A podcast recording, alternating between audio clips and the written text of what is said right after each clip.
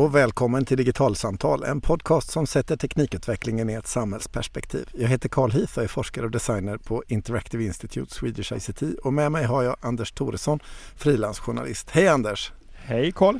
Kul att se dig igen. Ja, Eh, jag har kört ett par intervjuer på egen hand men idag så är du med igen efter lite semester. Precis. Vi har också med oss en gäst i studion. Vi har med oss Kia Höök, professor i interaktionsdesign vid KTH och director för Mobile Life Center. Hej Kia! Hej! Vad roligt att ha med dig i våran lilla poddradio också. Jag tänkte vi ska börja med en fråga eh, bara för att lyssnaren ska få lite perspektiv. För du är forskare i interaktionsdesign och, och du forskar mycket kring vad som utgör meningsfull och kreativ och estetiskt tilltalande interaktion när det kommer till digitalisering. Skulle du kunna berätta lite kort vad det är som är ditt liksom, forskningsfält och forskningsintresse? Ja, mitt eget, just nu lite mer specifika forskningsintresse, det låter nog väldigt konstigt, men, eh, men eh, för det handlar om kroppen och kroppens estetik. Eh, så det finns ett område som heter som estetik, eh, som estetik alltså kroppens estetik, soma och estetik ihopsatt som ett ord. Eh, Men om jag säger så här, vi vet ju att det kommer väldigt mycket teknik som sitter på kroppen eller väldigt nära kroppen. I armband eller i kläder eller, eller till och med inuti kroppen. Och det har ju att göra med sjukvård och sportande och hälsa och, och alla möjliga andra sådana appar då. Förstärkt verklighet och, och sådär. Och, och den tekniken, mycket av den tekniken är ju fantastisk och kommer göra helt otroliga saker för oss. Men för mig blir det så, det, det blir väldigt nära inpå kroppen och, och vårt dagliga liv och då måste man kanske fundera lite grann på estetik och njutning och det som gör livet värt att leva för att vi kan inte bara se våra kroppar som någonting som vi ska trimma och hålla perfekta och banta och, och, och liksom leva så länge som möjligt och vad det nu är för idiotiska ideal som styr oss. Utan vi måste ju också tänka på vad är det som gör det roligt att leva? Vad är det som gör att jag vill röra på mig eller att, eller att jag vill förstå någonting om min egen kropp? Och om jag förstår det rätt då så handlar det mycket om hur design och hur design och teknologi kan hänga ihop med och förstärka den typen av eh, estetiker och förnimmelser och kroppsupplevelser. Exakt, och jag tror att det är ju väldigt tidigt i utvecklingen vad det gäller den här sortens teknik. Så att vad man har gjort, det första man gör är ju bara enkla lösningar. Man mäter någonting och så visar man det för användaren och så säger man titta här, du väger 72 kilo och du har ett sånt här blodtryck. Jaha, men, men det är ju inte liksom eh, allena saliggörande vad det gäller att till exempel förändra sina vanor eller, eller njuta av hur man rör sig eller så, utan det finns ju mer avancerade sätt att förhålla sig till det och det är jag superintresserad av. Och du har ju jobbat med design eh, under många år och gränserna, landet mellan teknik och design och, och också samhällsfrågor. Och jag tänkte Eh, det känns som en ganska bra start i just av den här podden också och eh, prata lite grann kring liksom, vad, vad är, om du skulle beskriva liksom, vad är det design har att bidra till i konversationen eller i utvecklingen när det gäller eh, teknik och samhällsutveckling? För någonstans så kan min upplevelse vara att vi har mycket av de hårda sakerna i förgrunden. Vi pratar om bredband och sladdar och datorer och servrar och säkerhet och mycket hårda grejer. Men, men eh, om jag förstår ditt perspektiv rätt så är designen minst lika viktig som eh, de här andra facetterna. Skulle du kunna utveckla lite grann hur du ser på det där med hur samhälle och design och teknologi hänger ihop? Alltså jag funderade på, på den här frågan lite grann därför att eh, jag tror att det är väldigt lätt, om man, om man säger från ett politiskt perspektiv så är det ju lättare att säga bredband åt alla. Eh, det låter väldigt bra, det är väldigt tydligt, det är väldigt konkret, man förstår vad det betyder. Men om man skulle säga bra och meningsfull design åt alla, då är det lite mer svårgripbart. Det är inte riktigt lika stark slogan som, som man, så att man genast förstår att ja, men det är ju jätteviktigt. Men såklart att det är det. Alltså om vi inte har utformat de här prylarna och den här interaktionen och det här internetet och det och sånt på ett sätt som, som är intressant för oss som människor och som, som är i harmoni med våra värderingar och så, så, så kommer det ju att förändra oss och det kommer förändra vårt samhälle, eller har ju redan gjort det. Eh, så det är därför jag tycker design för mig är precis den där skärningspunkten där man bestämmer hur, vad ska det ha för funktion den här grejen? Hur, hur ska den komma in i mitt liv? Hur ska den se ut och hur ska jag få den eh, att, att bli intressant för slutanvändare? Att de vill köpa den, att de vill ha den, att den faktiskt ger dem någonting i, i deras liv. Där är ju liksom design jätteviktigt. Sen är ju design beroende av all teknik, så det är ju inte, det är inte så att det går att separera att, liksom, att, man, att man kan strunta i huruvida det finns bredband eller inte, utan det hänger ju ihop såklart. Hade du något fråga där Anders? Ja, alltså jag skulle vilja skjuta in en sak här Kia, för du, du pratar om bra och meningsfull design och, och jag kan alltså ha en intuitiv känsla för vad, vad du lägger i begreppet bra design, men vad är meningsfull design för någonting? Ja, alltså när man bygger ett system, vilket system du än bygger, tekniskt system, så kommer du att bygga in värderingar i det. Om vi, om vi tar en sån som alla blir jätterädda för, det här med personlig integritet. Mm.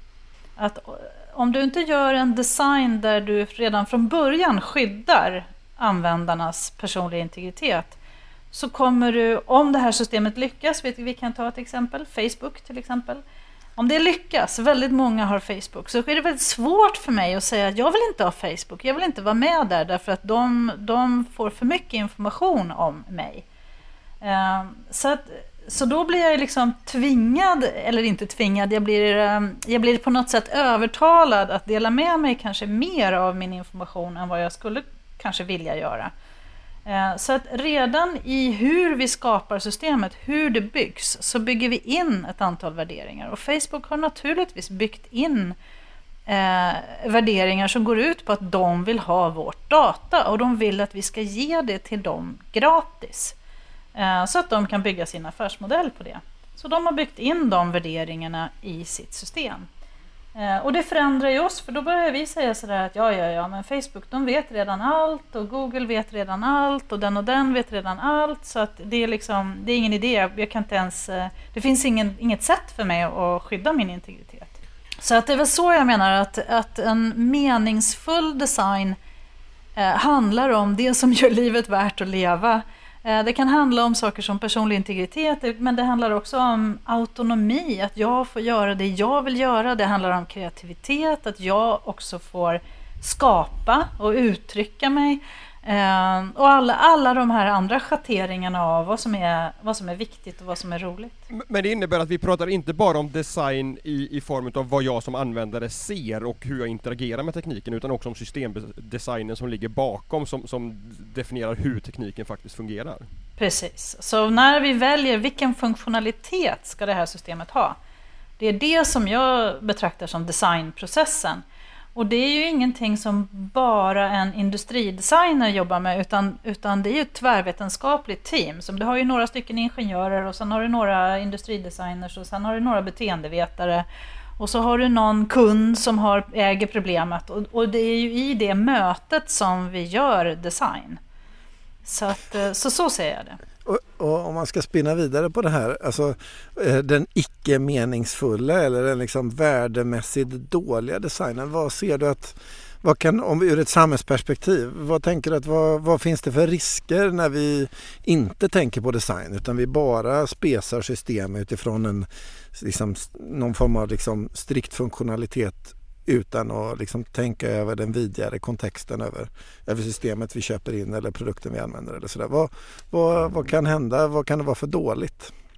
Ja, alltså det, ju, det, finns ju det finns så många exempel att ta så jag blir alldeles gråtfärdig bara jag tänker på det. Men att jag kan ta ett exempel från mitt eget jobb då, då på KTH där man har administrativa system som är där för att stödja oss Tror jag. Jag vet inte riktigt om det är meningen att de ska stödja oss eller hjälpa oss. För de är så fruktansvärt dåligt byggda och så ogenomtänkta i förhållande till vad verksamheten går ut på. Vad som är meningsfullt att hålla på med på KTH.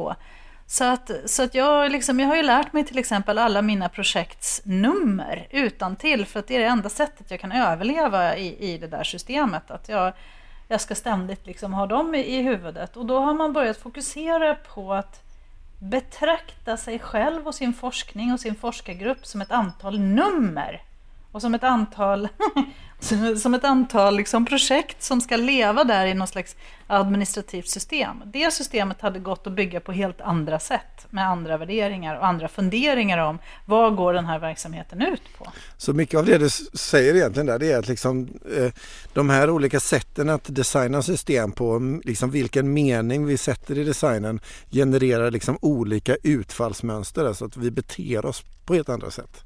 Ja. ja. ja, och beteenden det vet vi ju fostrar våra, våra åsikter och våra uppfattningar. Så man vet ju, du vet, sådana här fåniga studier där man ber någon som kanske inte gillar Coca-Cola att hålla ett litet föredrag om varför Coca-Cola är så bra. Och vanligtvis efter att ha gjort det så tycker man ju Coca-Cola är bra.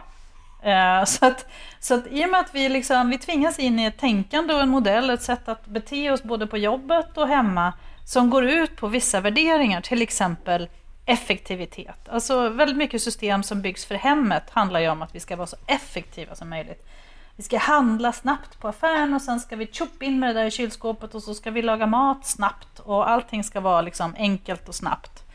Eh, men handlar hemmet egentligen om effektivitet eller handlar hemmet om njutning och lättja och att få vara med sin familj och ligga i soffan och slappa eller att laga god mat väldigt långsamt eh, och dricka massa vin. Inte vet jag. jag menar, det vad, vilka värderingar är det som styr hur vi konstruerar våra livsmiljöer? Liksom? Det, där är ju tekniken inte en oskyldig komponent, den är en del av att förmedla de värderingarna.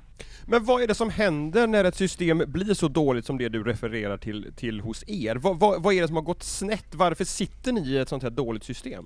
Alltså det är ju så här när man beställer ett system, den som är kund är inte alltid den som sen använder systemet. Så i det här fallet så är det ju KTHs administration som behöver eh, de här systemen och som är kunderna och som har upphandlat det här systemet. Då. Och jag som professor och forskare på KTH, jag är ju inte, jag är bara en användare, jag är inte en kund. Det spelar liksom ingen roll, mina, mina krav har aldrig gått in i den processen. Liksom. Så det handlar ju om eh, skillnaden mellan vem som är kunden, vad de beställer och vad de behöver och vad de betalar för och slutanvändaren, vad jag, vem jag är.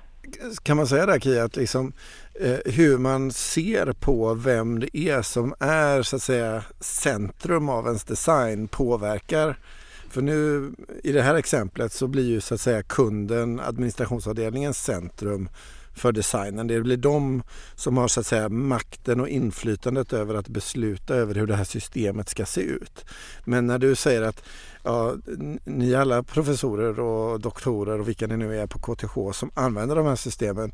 Ni borde ju rimligen också ha någon form av inflytande och makt över systemet eftersom ni också är de som lägger tid i det. Och eh, eran tid borde rimligen värdesättas av KTH och hur ert arbete upplevs och är och så vidare. Och att det i så fall handlar om liksom var fokus ligger utifrån liksom hur jag ska tänka om min design. Är det användaren eller människan som är i centrum för min design eller är det kunden som är i centrum för designen eller är det teknikern som har hittat på systemet som är i centrum för designen? Kan man säga att det finns något, liksom, något spektra där eller så? Absolut, och där finns det ju då som tur är väldigt bra metoder för att fundera lite mer på det där när man sätter igång en designprocess. Eh, jag tror att det är kanske tydligare om vi inte tar KTH som exempel utan vi tar ett sjukhus som exempel. Där är det ju så tydligt då att det finns en administration, de behöver vissa system, sen finns det läkare, de behöver eh, ha tillgång till de här systemen på ett annat sätt. Men sen finns det ju faktiskt också patienter och det finns anhöriga till patienter. Och vår upplevelse av systemet kan ju vara nog så viktig, men det struntar man ju oftast i när man beställer de här systemen. Då. Eh, så man, eh, men det finns ju då bra metoder för att fundera över stakeholders och indirect stakeholders, alltså olika grupperingar som borde få ha en röst i designprocessen. Men det här innebär någonstans att redan innan man köper systemet så behöver man som beställare vara medveten om och ha den här kunskapen som du beskriver nu. Annars så kommer ja. man att köpa fel. Va? Precis, både det och sen, men sen också så tror jag att ja, det är inte bara, alltså när du sa det nu så, så sa du så här ungefär att ja, och då har de inte tänkt på vad, hur du kan jobba effektivt som professor. Och då, och då skulle jag vilja säga, visst det, det, har de missat. De har missat hur jag ska kunna jobba effektivt och, och jag är ganska dyr per timme. så, så det är lite dumt ekonomiskt och på alla andra sätt och vis. Men inte bara det, de har också byggt in ett antal tankar om hur verksamheten ska gå till. Och de där tankarna och det där sättet att fundera på strukturer i organisationen, de påverkar mig på ett subtilt sätt. Eh, Ibland, ibland rakt på och ibland lite mer så här i bakgrunden. Så att, så att jag liksom steg för steg börjar betrakta mig själv som en produkt. Mina doktorander är produkter. Eh, våra artiklar som vi, som vi producerar är produkter. Och, och, liksom, och jag ska då vara effektiv i det här maskineriet, i den här fabriken som KTH är då. Skulle man kunna säga att det är samma sak vad gäller liksom helt andra typer av system och helt andra typer av sammanhang och att de här värderingarna liksom spiller över. Jag tänker till exempel på vad ska vi ta för någonting, journalsystem i sjukvården eller lärplattformar i skolan. Ja. Att liksom hur lärplattformen är designad för med sig ja. ett antal värderingar eller ett synsätt på pedagogik till exempel. Eh, som liksom inbyggt i systemet. Är det så man skulle kunna tänka? Ja, precis. Så att det är ju väldigt intressant och en väldigt stark faktor. Om du vill påverka skolan eller du vill påverka ett, ett, ett sjukvårdssystemet i Sverige så bygg de tekniska lösningarna som gör det enklare att bete sig på det sätt du vill att folk ska bete sig. så, så vinner du! Ja, men men, men här, här, blir jag lite bekymrad eh, just utifrån ett beställarkompetensperspektiv därför att många gånger så har vi det privata näringslivet som vill sälja på den offentliga verksamheten olika system som är bra på olika saker. Och om, om det då saknas en beställarkompetens här, vilket kanske till, till viss del då faktiskt handlar om en, en, förståelse för hur tekniken fungerar, vilka möjligheter, vilka risker som finns. Kom, kommer då det offentliga att kunna upphandla system som faktiskt är bra för mig som användare utav systemet Sverige, eller kommer det bli system som är bra för de här företagen att sälja? Ja, alltså det är klart att de vill sälja någonting som är bra för dem och som ja. de kan tjäna pengar på såklart. Uh, och jag menar, jag, jag vill inte tillskriva någon någon slags illvillighet utan jag tror att alla, alla försöker få till det här bäst de kan liksom, in, inom de givna ramarna och inom de resurser som finns. Och så snart du börjar ta med fler krav på en design så blir det ju dyrare såklart. Eh, och om du börjar liksom verkligen utnyttja tekniken till, sitt, till, till fullo så kan ju liksom den initiala kostnaden för att installera de här systemen vara dyrare. Sen kommer eventuellt vinster så småningom. Eh, när man liksom kan effektivisera eller man kan förändra en verksamhet eller vad det nu är man vill göra med det där systemet. Då. Så, att, så beställarkompetens är ju så viktigt och så svårt för dem. Hur är din upplevelse att liksom det står eh, till i landet Sverige vad gäller beställarkompetensen av system? Om liksom du, ur, ja, ur ett medborgarperspektiv med de system du möter i din vardag och med den kunskap du har om om god design. Hur, vad är din, är, ligger vi bra till eller har vi mycket kvar? Eller? Alltså jag, jag tror att man i Sverige ändå har oerhört höga ambitioner. Vi vill ju vara bäst i världen på digitalisering och jag tror att väldigt många ute i kommuner och landsting och så är intresserade av att beställa på ett gott sätt. Då. Men, men det är ju också väldigt eh, svårt och jag vet att Irene Ek på Tillväxtverket har gjort en analys av upphandlingar i Sverige och där visade hon att den, den allra största delen, jag tror att det var 89 procent, men jag vågar inte svära på den siffran, eh, inte upphandlar någon innovation överhuvudtaget. Och det är ju lite sorgligt för digitaliseringen är ju en möjlighet till disruption och förändring av system. Men då måste det till innovation. Och då måste man kunna upphandla innovation. Och just nu tror jag att det är jätteviktigt och kunna upphandla innovation därför att nu eh, sprider sig vår digitalisering från att ha bara existerat på webben och i mobilen till att existera överallt i den här Internet of Things och Big Data och automatiseringsåldern. Och om man inte kan beställa klokt där från kommuner och landsting och stat så tror jag att eh, vi tappar vårt försprång och vi kommer att vara tvungna att leva med system som inte är optimala eller bra för de värderingar vi vill ha och jag kan tänka mig att just när det kommer till till exempel Internet of Things eh, utmaningar, alltså där vi tänker oss, lite där du började berätta också, att vi har sensorer på kroppen eller i kroppen.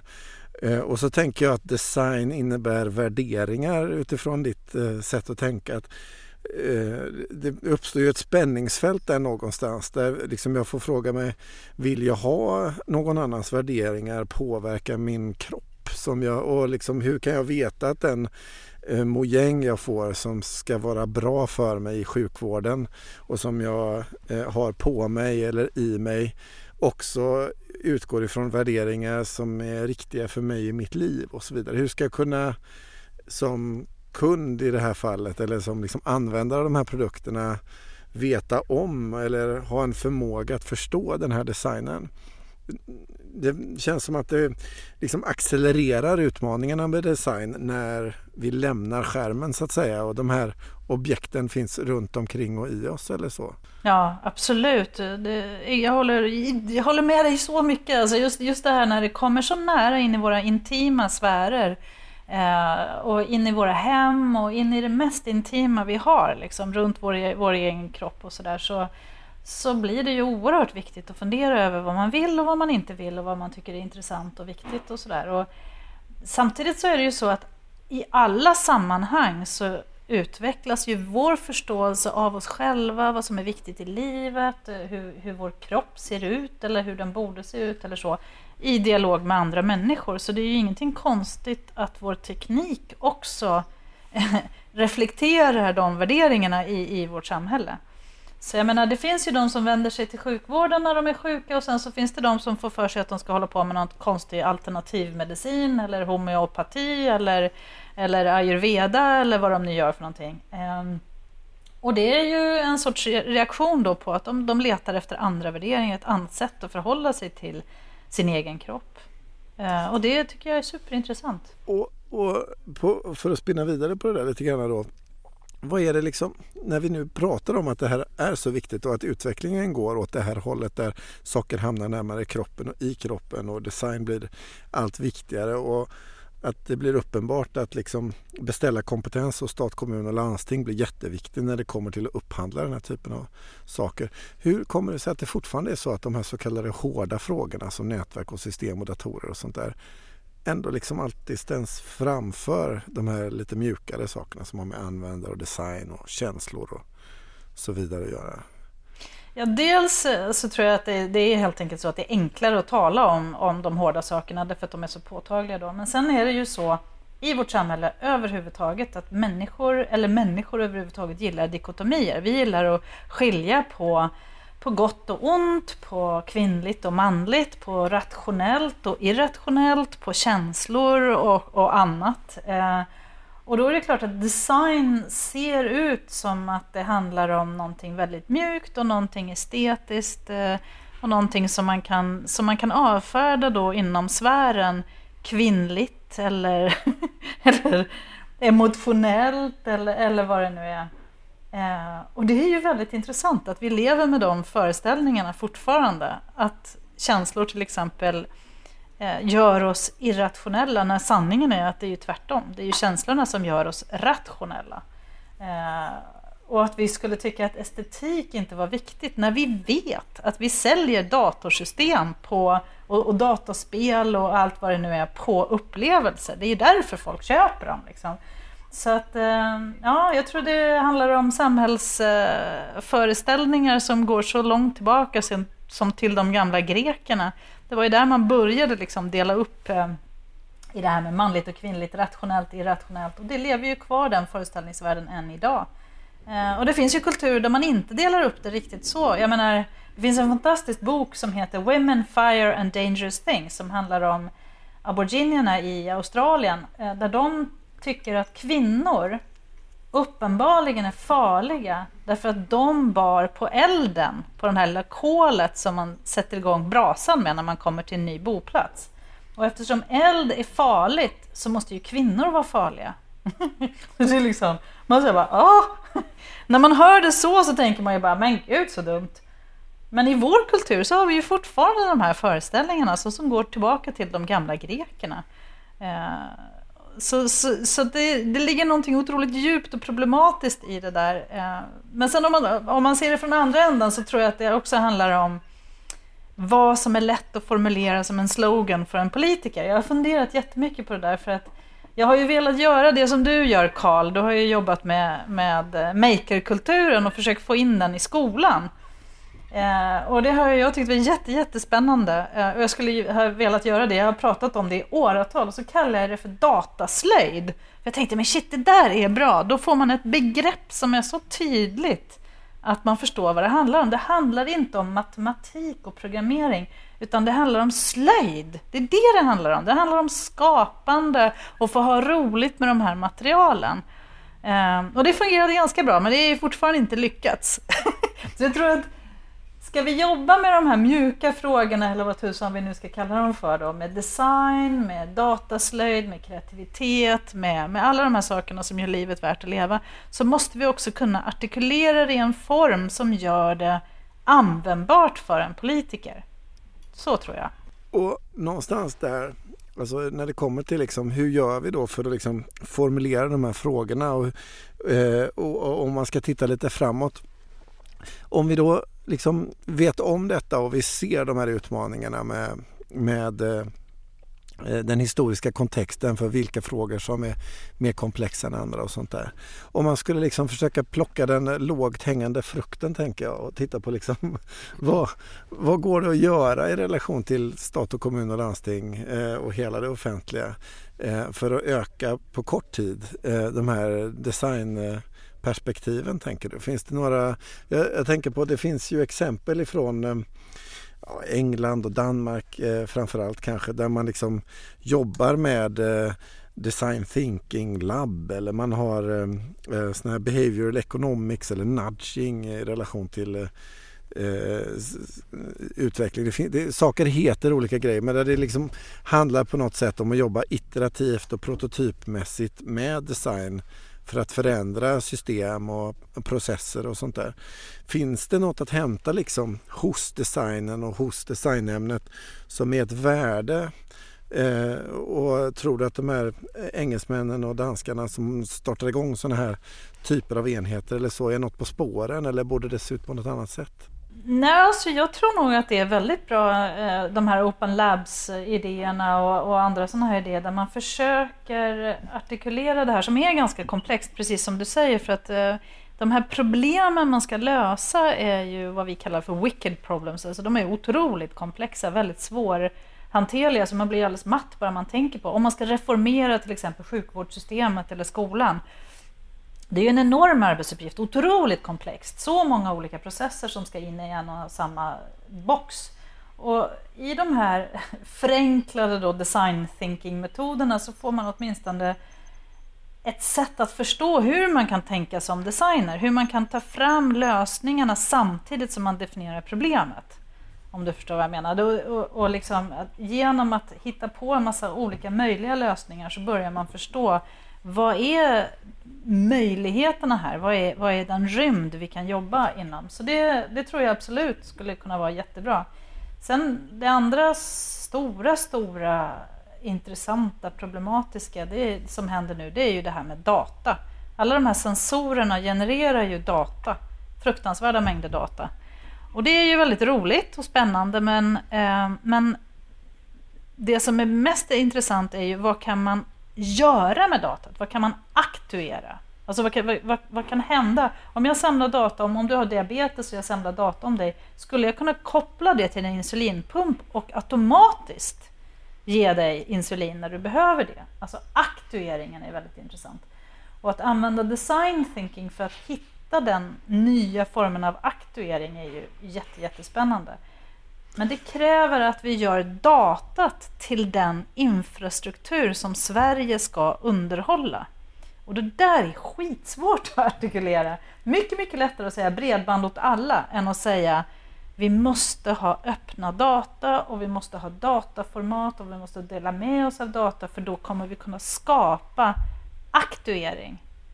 Vart det lite för komplext nu eller? Nej, men jag försöker, jag försöker sätta det i ett, eh, i ett sammanhang så jag förstår. Men jag tänker att det kanske är så någonstans att det du är inne på lite grann det är att eh, design och att förhålla sig till liksom det som är mer processorienterat än funktions eller objektorienterat, det är mer komplext. Och att eh, det låter lite på dig som att du säger att vi måste få låta det vara komplext och förhålla oss till det som komplext eh, för att hitta lösningarna. Om vi försöker förenkla alldeles för mycket så, så blir det ingenting av det. Och att det kanske är just det som någonstans är svårt för många verksamheter att åstadkomma, att, så att säga tillåta sig själv att behålla komplexiteten.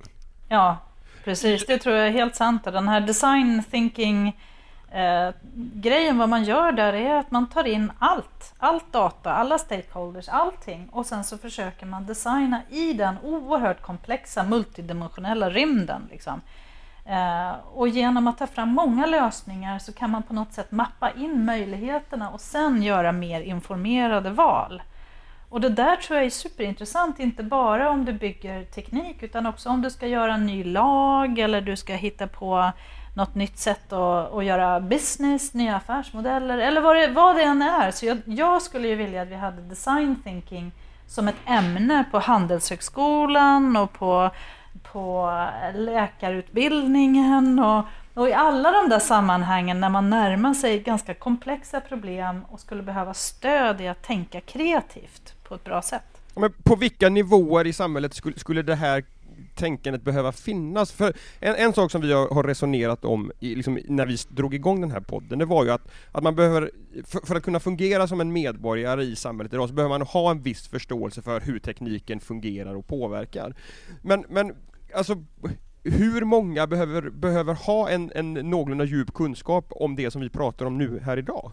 Jag vet inte, jag kan inte svara på exakt hur många, men jag kan tänka så här att vi har ett ansvar, vi som utbildar de här ingenjörerna som då ska ha ganska djup kunskap om teknik, att vi utbildar dem på ett sätt där vi gör, ser till att de kan kommunicera vad deras teknik möjliggör. Så att när de ingår i ett team, om man tar in en jurist och en, och en, eh, en dataingenjör från KTH och sätter dem i samma rum och säger nu måste vi hitta på en, en massa nya lagar här. Då ska ingenjören kunna visa sin teknik i en form och i en, ehm, på ett sätt som gör det till, tillgängligt och till ett material för juristen att förstå och, och kunna jobba med.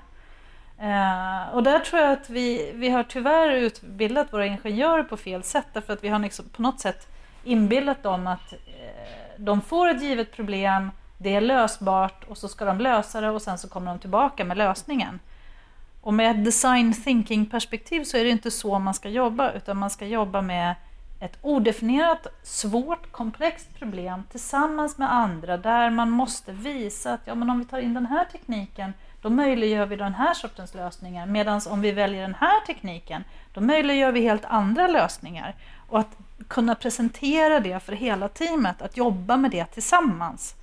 Så att jag tror, din fråga är väl ungefär de här upphandlarna som sitter runt om på Sveriges kommuner och, och landsting. Hur, hur, ska de förhålla sig till det här? Alltså, om de bara kan ha några sådana här människor i loopen som de kan jobba med i de här problemdefinitionsfaserna så tror jag att de skulle kunna komma fram med otroligt mycket bättre beställningar. Men, men det, det, handlar i första hand om de som ska beställa och utveckla och bygga systemen, inte så mycket om, om vi som ska använda alla de här systemen. Fast jag tror vi måste också vara med i de designprocesserna. Alltså en riktigt bra designprocess så har vi ju metoder då som är fantastiska som har utvecklats i Skandinavien som heter participatory design. Alltså man tar in de som ska använda systemen i olika stadier, kanske inte hela tiden, men, men i olika stadier av hur man, när man hittar på olika lösningar.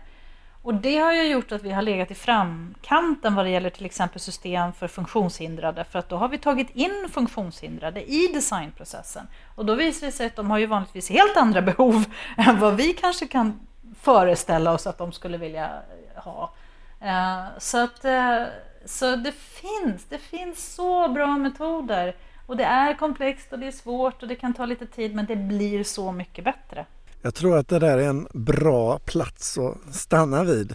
Tusen tack Kia för att du tog dig tid att eh, vara med i vårt lilla samtal.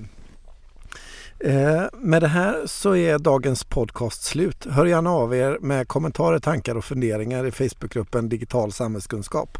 Har ni en fråga till oss, tveka inte att höra av er. Det går också bra att skicka frågor på mail och adressen är i så fall podcast.digitalsamtal.se.